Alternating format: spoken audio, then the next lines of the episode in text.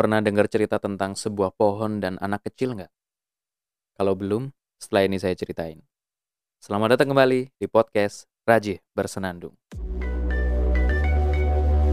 Siniar Raji Bersenandung.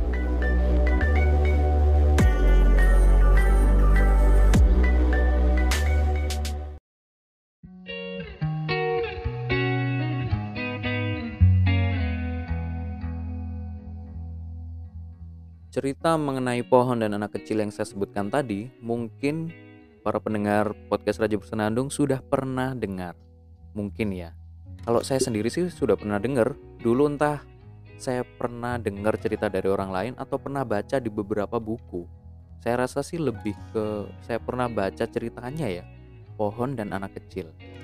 Pokoknya ini cerita reflektif banget gitu loh untuk kehidupan kita. Habis baca ceritanya kita langsung waduh langsung keinget dosa-dosa, keinget kita itu terlalu egois kah dan lain sebagainya.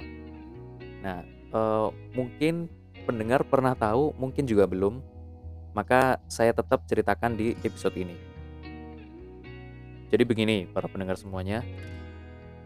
Ceritanya hari ini saya merasa tersentuh dengan salah satu soal yang saya bagikan ke teman-teman grup belajar bahasa Inggris yang saya saya pantau ya. Saya bimbing lah. Saya bimbing. Aduh. Kayak udah master aja. Enggak, enggak enggak master ya, tapi emang sudah jadi tugas gitu. Ya ceritanya saya ini kan tutor di English Academy Bengkulu Malaysia, salah satu tutornya. Meskipun bahasa Inggris saya nggak terlalu bagus, tapi berkesempatan jadi tutor itu, wih asik karena mau nggak mau kan kita jadi belajar gitu. Nah, tutor ini bertugas untuk tentu mengajar. Kemudian karena di masa-masa pandemi seperti ini proses belajarnya online, maka kami sebagai tutor punya tugas untuk membimbing grup-grup yang sudah dibuat. Uh, gimana ya jelasinnya ya? Jadi di masa pandemi belajar online kayak gini, itu mahasiswa eh mahasiswa siswa di English Academy Bengkulu Malaysia itu dibagi ke kelompok-kelompok kecil. Nah, kami para tutor ditugaskan untuk membimbing setiap kelompok kecil itu. Memberikan tugas, kemudian memberikan penjelasan, bahas soal. Kami juga ngajakin diskusi mereka dan ketemuannya via online dong. Kadang via WhatsApp video call, kemudian mungkin bisa juga Zoom, kadang juga Facebook ya gitu-gitu. Kalau misalkan uh, teman-teman student di English Academy Bengkulu pengen tanya sesuatu di grup boleh gitu. Sehingga di grup ini grupnya grup grup beneran grup WhatsApp ya. Di WhatsApp grup itu jadi cuma berapa orang? Cuma enam orang termasuk saya itu. Kalau mereka perlu tanya sesuatu tanya aja di grup atau bisa japri saya boleh nanti saya jelaskan. Nah tugas-tugasnya itu sudah dibuat uh, oleh tim khusus. Jadi soal yang dibuat setiap minggunya itu sudah dibuat oleh tim khusus. Kami para tutor itu tinggal bukan tinggal ya, tapi kami lihat kemudian kami share ke teman-teman student English Academy Bengkulu yang berada di grup kami. Kayak gitu. Terus kami belajar deh mereka belajar juga. Kalau misalkan perlu ada tanya-tanya ya langsung tanya saja gitu. Nah kebetulan soal untuk minggu ini adalah storytelling. Jadi minggu ini sebenarnya materinya adalah storytelling. Nah teman-teman itu diminta untuk bikin tugas bercerita berdasarkan file yang sudah kami share. Kami eh, kami sebagai tutor itu dapat filenya dari tim khusus yang membuat soal ya. Nah, file ini kami bagikan sesuai dengan instruksinya juga. Mereka bikin video atau audio saja boleh untuk menceritakan apa yang ada di file tersebut. Bukan menceritakan tapi baca cerita. Cuma memang modelnya itu model storytelling gitu. Nah, filenya saya baca. Waduh. Ceritanya tentang pohon dan anak kecil. sebuah pohon dan seorang anak laki-laki. Nah, ceritanya itu seperti ini.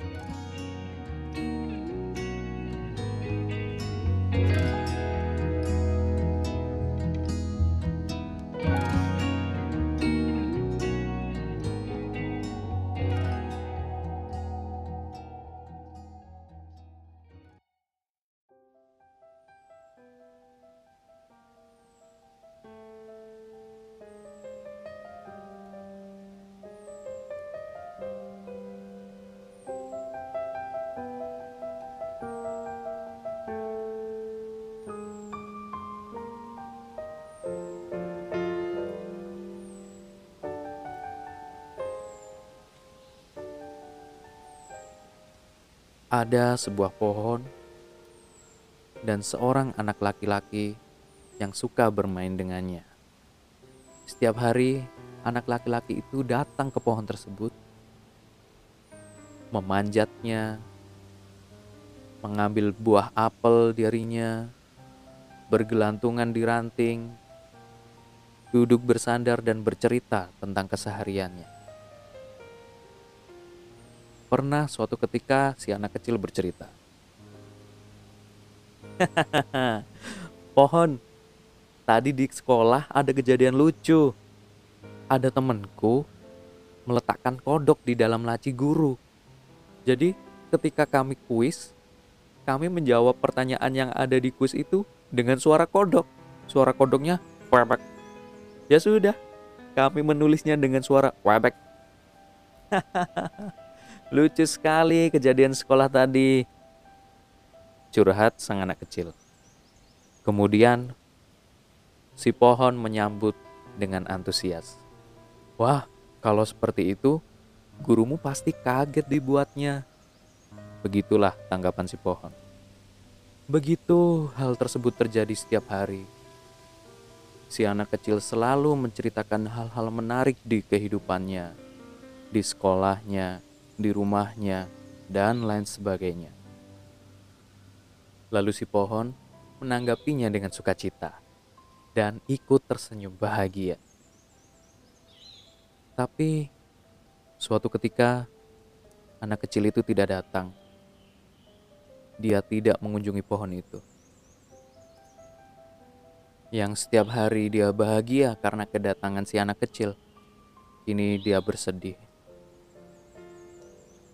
salah satu sumber kebahagiaannya hari ini tak lagi mengunjunginya.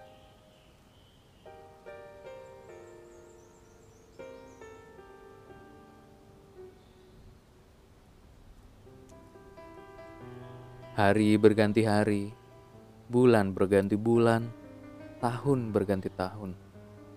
Anak kecil itu tak kunjung datang. Si pohon bertanya-tanya ke mana perginya anak kecil ini ia tak lagi mendengar tawa dari anak kecil tersebut. Ia tak lagi mendengar cerita lucu. Ia tak lagi melihat anak kecil itu bergelantungan di dahannya. Ia tak lagi bermain dengan anak kecil tersebut. Dia sangat merindukan anak itu. Sangat-sangat rindu.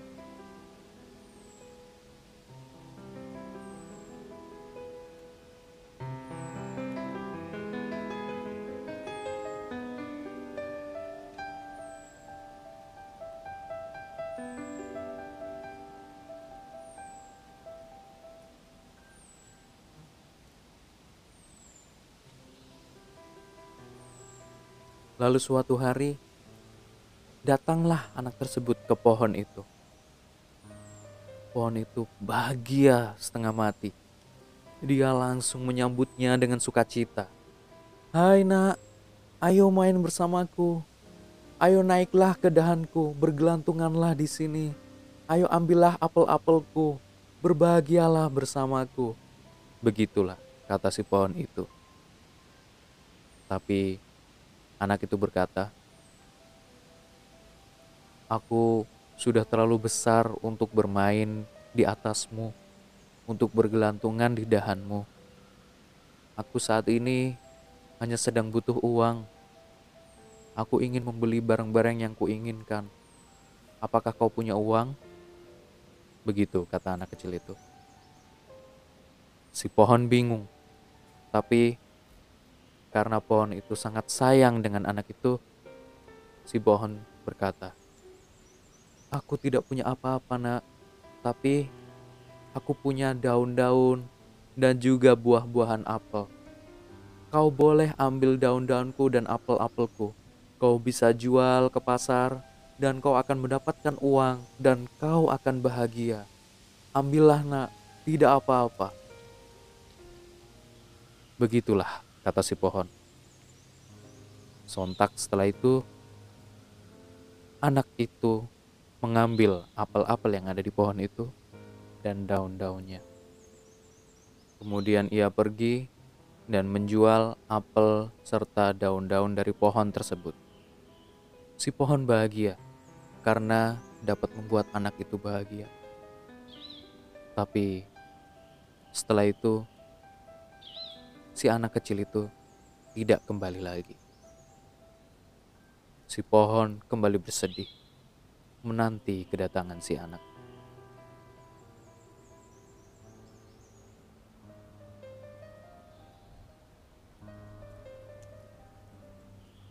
Bulan berganti bulan, tahun berganti tahun.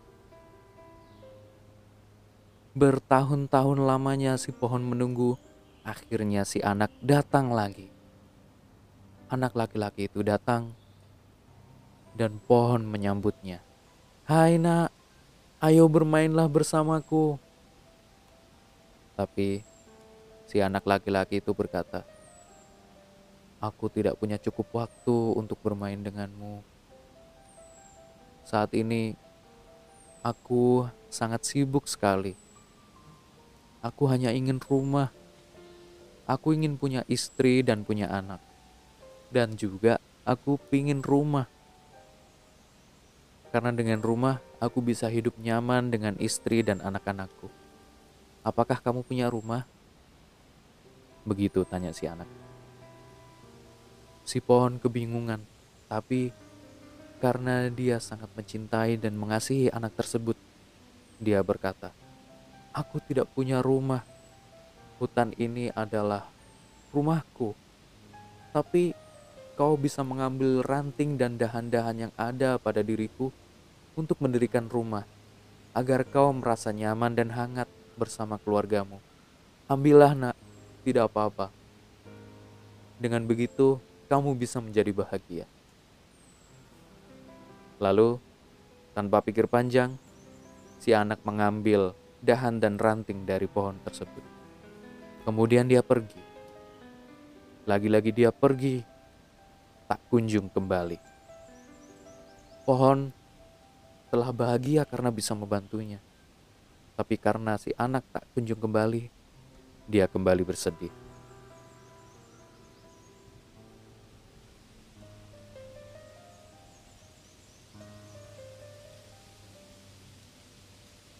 Tahun berganti tahun, berlalu meskipun lama, tapi sangat terasa. Akhirnya si anak datang kembali. Anak laki-laki itu kembali disambut oleh si pohon. Ayo nak, ayo ke sini bermain bersamaku. Ayo ceritakanlah semua kehidupanmu. Aku ingin mendengarkannya. Ayo berbahagia bersamaku. Begitu kata si pohon. Tapi si anak berkata,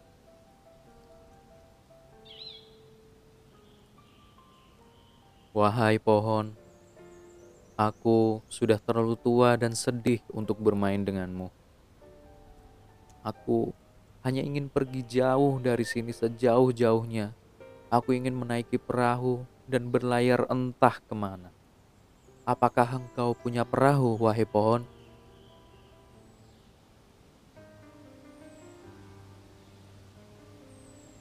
Lalu pohon kebingungan karena dia tidak punya perahu, tapi karena dia sangat sayang dengan anak laki-laki itu, dia menjawab, "Aku tidak punya perahu."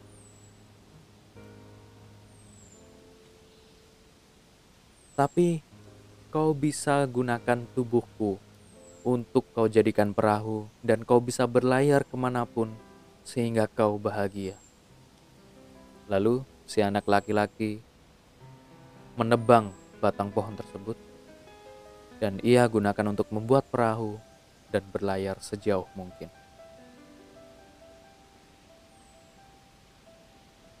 Pohon itu bahagia karena bisa membantu anak kecil itu. Tapi entah dia bahagia atau tidak. Karena dia sudah menyayangi anak laki-laki itu, maka dia seharusnya bahagia. Dan lagi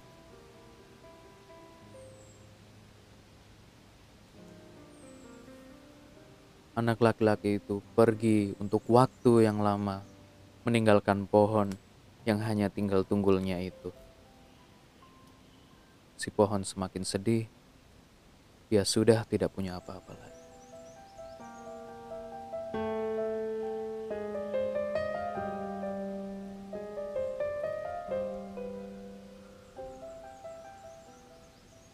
Waktu berlalu. Akhirnya, anak laki-laki itu datang lagi kepada pohon itu. Sang pohon bingung. Ia ingin menyambut, tapi dia sudah tidak punya apa-apa. Nah, maafkan aku. Aku sudah tidak punya apa-apa lagi. Apel-apelku sudah tidak ada lagi. Ranting dan dahanku juga tidak ada lagi. Aku pun saat ini sudah tidak punya tubuh.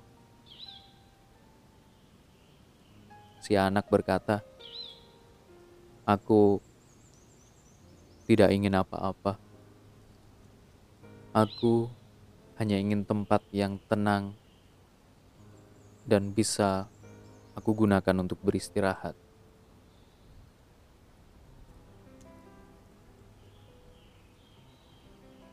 Kemudian sang pohon menjawab dengan sukacita dan menitikkan air mata.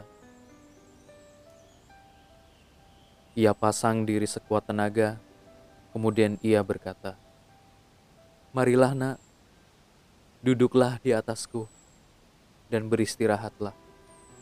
Kemudian si anak laki-laki itu duduk di atas tunggul pohon tersebut. Dan mereka berdua akhirnya bisa berbagi cerita lagi.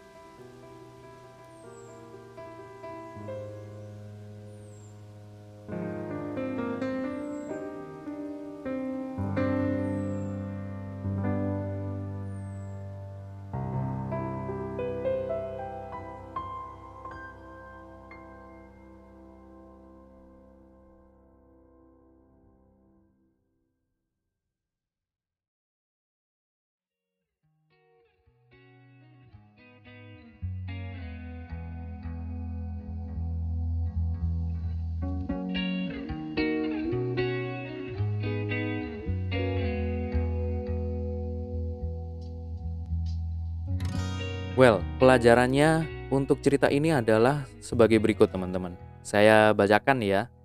Dalam bahasa Inggrisnya itu seperti ini. This is a story about everyone. The tree is like your parents. No matter what, parents will always be there and give everything they could just to make you happy. No matter how busy you are, share some time with them.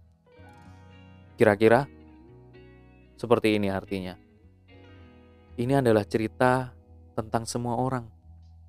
Pohon itu seperti orang tua. Mau apa pun masalahnya, orang tua pasti selalu ada untuk kita dan memberikan segalanya yang mereka bisa untuk membuat kita bahagia. Jadi, sesibuk apa pun, berbagilah dan luangkan waktu untuk mereka. Begitulah kira-kira pesannya.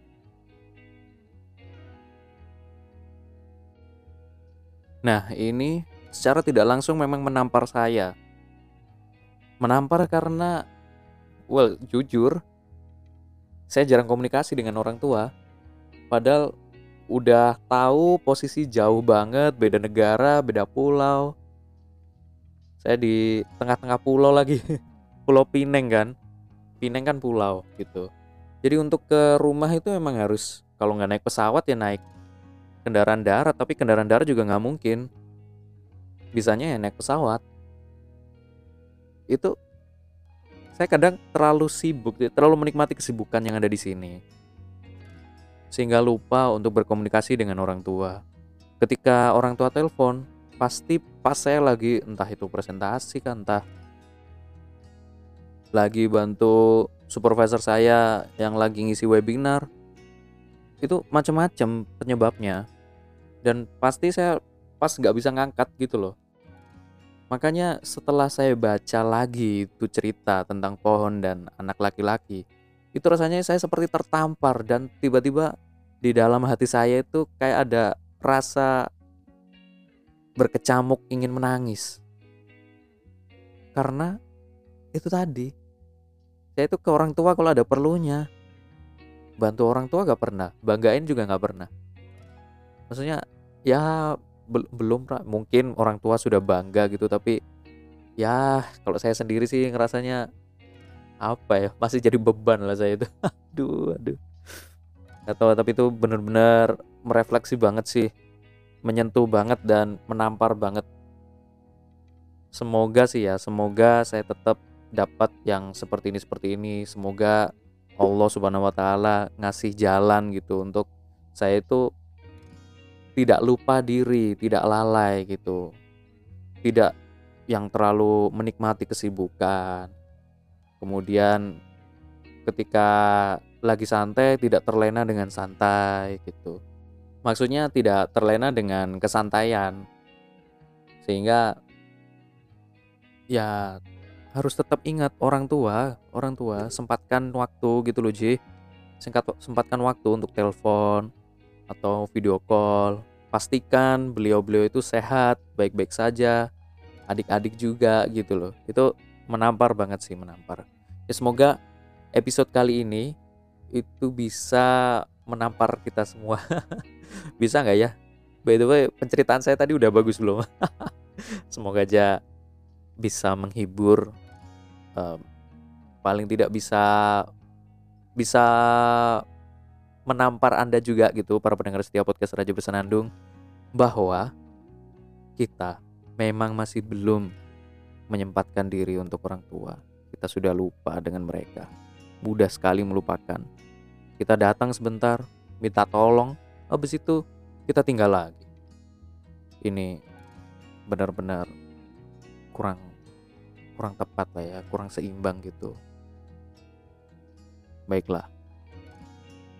Terima kasih karena mendengarkan sampai selesai. Sampai jumpa di episode berikutnya